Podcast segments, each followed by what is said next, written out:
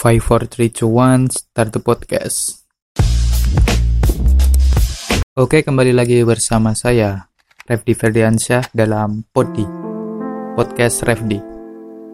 Nah, pada kesempatan kali ini saya akan membahas sebuah topik yang sangat menarik. Judul topiknya adalah Meneguhkan Spirit Beragam Moderasi Beragama yang dibawakan oleh Wali Songo. Sebelum kita membahas secara inti dari judul topik ini, nah kita kupas terlebih dahulu lah poin-poin pentingnya. Apa sih yang dimaksud dengan moderasi beragama? Secara bahasa, moderasi itu berasal dari bahasa Inggris, yaitu moderation, yang memiliki arti sikap sedang, sikap tidak berlebih-lebihan, Nah, sedangkan dalam KBBI, moderasi itu dapat diartikan sebagai pengurangan kekerasan dan penghindaran ekstremisme. Jadi, moderasi beragama itu adalah proses memahami sekaligus mengamalkan ajaran agama secara adil dan seimbang agar terhindar dari perilaku yang menyimpang yang tidak ada diajarkan di dalam agama. Ya, contohnya itu kayak menghakimi seseorang tanpa menanyakan terlebih dahulu apa permasalahannya, merampas yang bukan miliknya, dan lain sebagainya. Banyak itu. Hal ini perlu kita perhatikan dengan cara pandang dan sikap moderat dalam beragama. Karena ini sangatlah penting gitu dalam kehidupan sehari-hari. Nah, dalam moderasi beragama ini, kita semua pasti setuju lah kalau Wali Songo itu adalah apa ya pilar lah dalam moderasi beragama. Para wali songo itu kan dalam menyiarkan atau menyebarkan agama Islam dengan cara dakwah ya. Nah, dakwahnya ini kan sangat arif, bijak dan santun memakai media kultural edukasi yang berupa pewayangan dan media tradisional lainnya.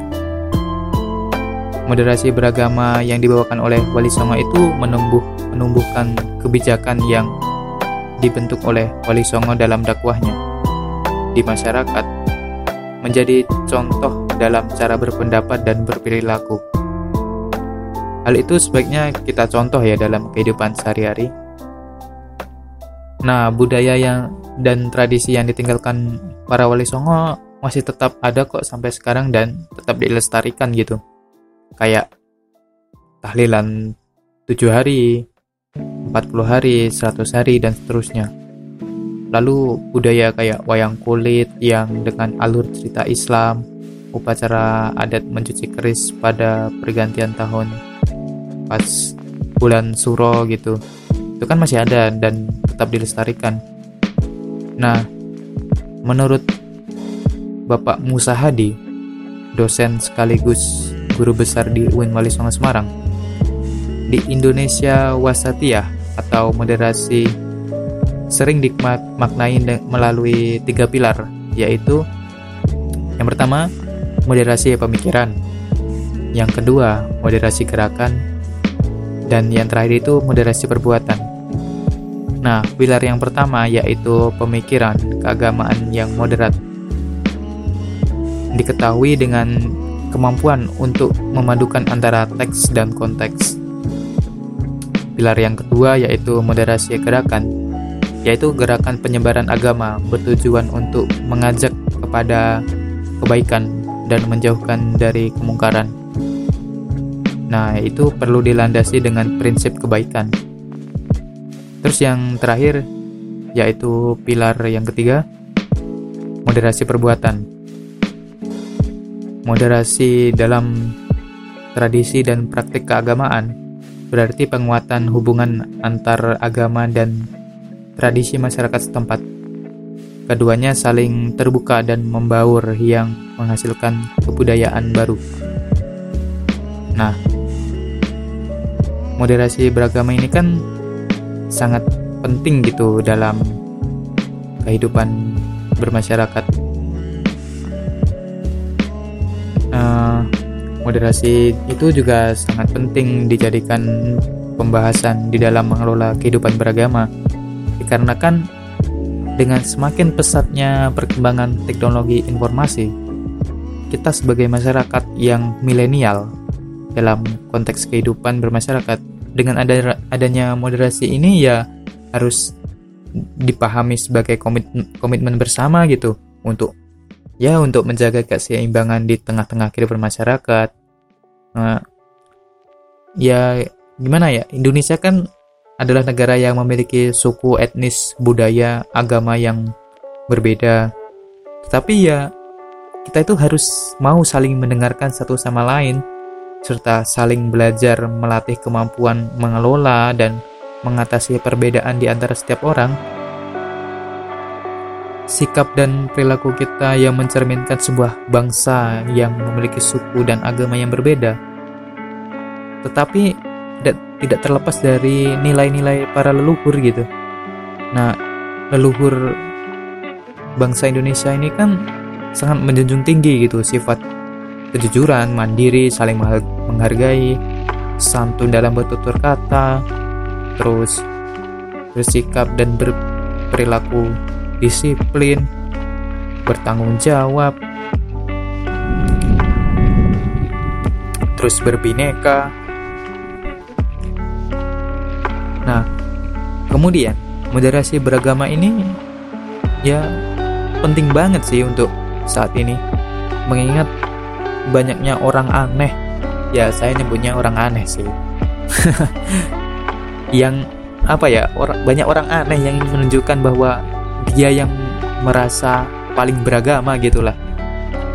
Tapi apa yang ditunjukkan itu berbeda dengan ajaran agama.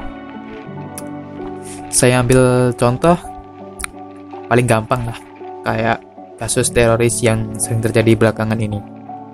Nah mereka para teroris ini kan seakan ingin menunjukkan kepada semua orang bahwa agama mereka itu paling benar dan mereka itu adalah orang beragama gitu tanda kutip itu tetapi apa yang mereka lakukan seperti membunuh orang itu kan sangat melenceng gitu dari ajaran agama yang melarang menghilangkan nyawa orang lain. Apalagi jika orang-orang yang menjadi korban itu tidak tidak bersalah gitu. Kan kasihan. Ada lima perhatian dari moderasi beragama, antara lain yaitu kesadaran akan perbedaan, itu satu. Yang kedua, kepercayaan tentang kebenaran. Yang ketiga, semangat misioneris. Yang keempat, pemahaman tentang agama dan yang terakhir itu dakwah dalam agama. Kelima hal tersebut setidaknya perlu dipahami dengan baik gitu. Indikator sikap dalam moderasi beragama sendiri terbagi atas empat, yakni satu komitmen kebangsaan, yang kedua toleransi, yang ketiga anti kekerasan, dan yang keempat akomodatif terhadap budaya lokal agama apa pun tentu tidak mengajarkanlah yang namanya kekerasan dan kejahatan. Terlebih yang menimbulkan korban dan merugikan masyarakat lain lah. Dengan pemahaman moderasi beragama yang baik, menjadi salah satu upaya menghindari tindakan radikal yang sering terjadi. Nah, kalau moderasi beragama ini dipahami dengan baik, maka seharusnya tidak ada lagi tindakan radikal, apalagi yang mengatasnamakan Islam. Uh, kadang saya tuh suka merasa apa ya, sedih lah, sedih dan miris gitu ketika banyak kejadian terorisme di seluruh dunia, tapi yang selalu disalahkan itu adalah agama Islam. Seakan agama Islam ini yang bertanggung jawab atas hal-hal teroris terorisme tersebut gitu. Padahal dalam agama Islam sendiri tidak ada yang namanya apa ya anjuran untuk membunuh orang lain atas atas nama jihad gitu. Sedih lah pokoknya. Nah, dalam membangun sikap moderasi beragama, pada dasarnya adalah menanamkan adab dan akhlak yang sesuai dengan ajaran Islam gitu. Selain itu, dapat pula mempertajam ilmu dengan baik, baik itu ilmu agama atau duniawi. Nah, kemudian pembentukan sikap moderasi ini juga dapat dilakukan dengan memperluas relasi atau hubungan, sehingga memahami dengan betul arti perbedaan. Nah, yang terakhir, saya itu ingin apa ya berharap lah kepada semua orang untuk sadar tentang moderasi beragama ini. Toh yang manfaatnya itu kan kembali kepada diri masing-masing gitu. Uh, nenek moyang atau leluhur dahulu aja juga mengedepankan yang namanya saling menghormati satu, satu sama lain, saling menolong dan apa ya? Tidak tidak menyalahkan lah. Tidak ada yang menyalahkan ini itu siapa yang paling benar, siapa yang paling salah gitu. Nah, apa salahnya jika semua orang itu paham tentang moderasi beragama untuk membangun bangsa yang lebih baik gitu. Ya percuma kalau Indonesia tuh punya bangsa sebanyak ini, eh Indonesia punya Indonesia itu punya agama dan suku sebanyak ini uh, saling berbeda-beda dan tapi para warganya itu masih apa ya membeda-bedakan lah. Kayak kayak kamu Jawa kamu Sunda kamu Betawi uh, terus kemudian kamu Islam kamu Kristen kamu Hindu kamu Buddha gitu. Ya janganlah. Yang pada dasarnya kan ya itu tadi semua agama tidak ada yang mengajarkan kekerasan gitu. tapi kayak kalau dilihat dari segi kemanusiaan ya apa yang dilakukan itu seperti kekerasan dan uh, kejahatan itu kan sangat salah gitu. Demi apa ya kalau dilihat dari nilai kemanusiaan. Mungkin sekian dari saya oh, apa ya pembicaraan ini uh, yang semoga bisa bermanfaat lah bagi para pendengar dan berharap juga bahwa Indonesia semakin lebih baik ke depannya. Oke, sekian dari saya dan terima kasih. Sehat selalu.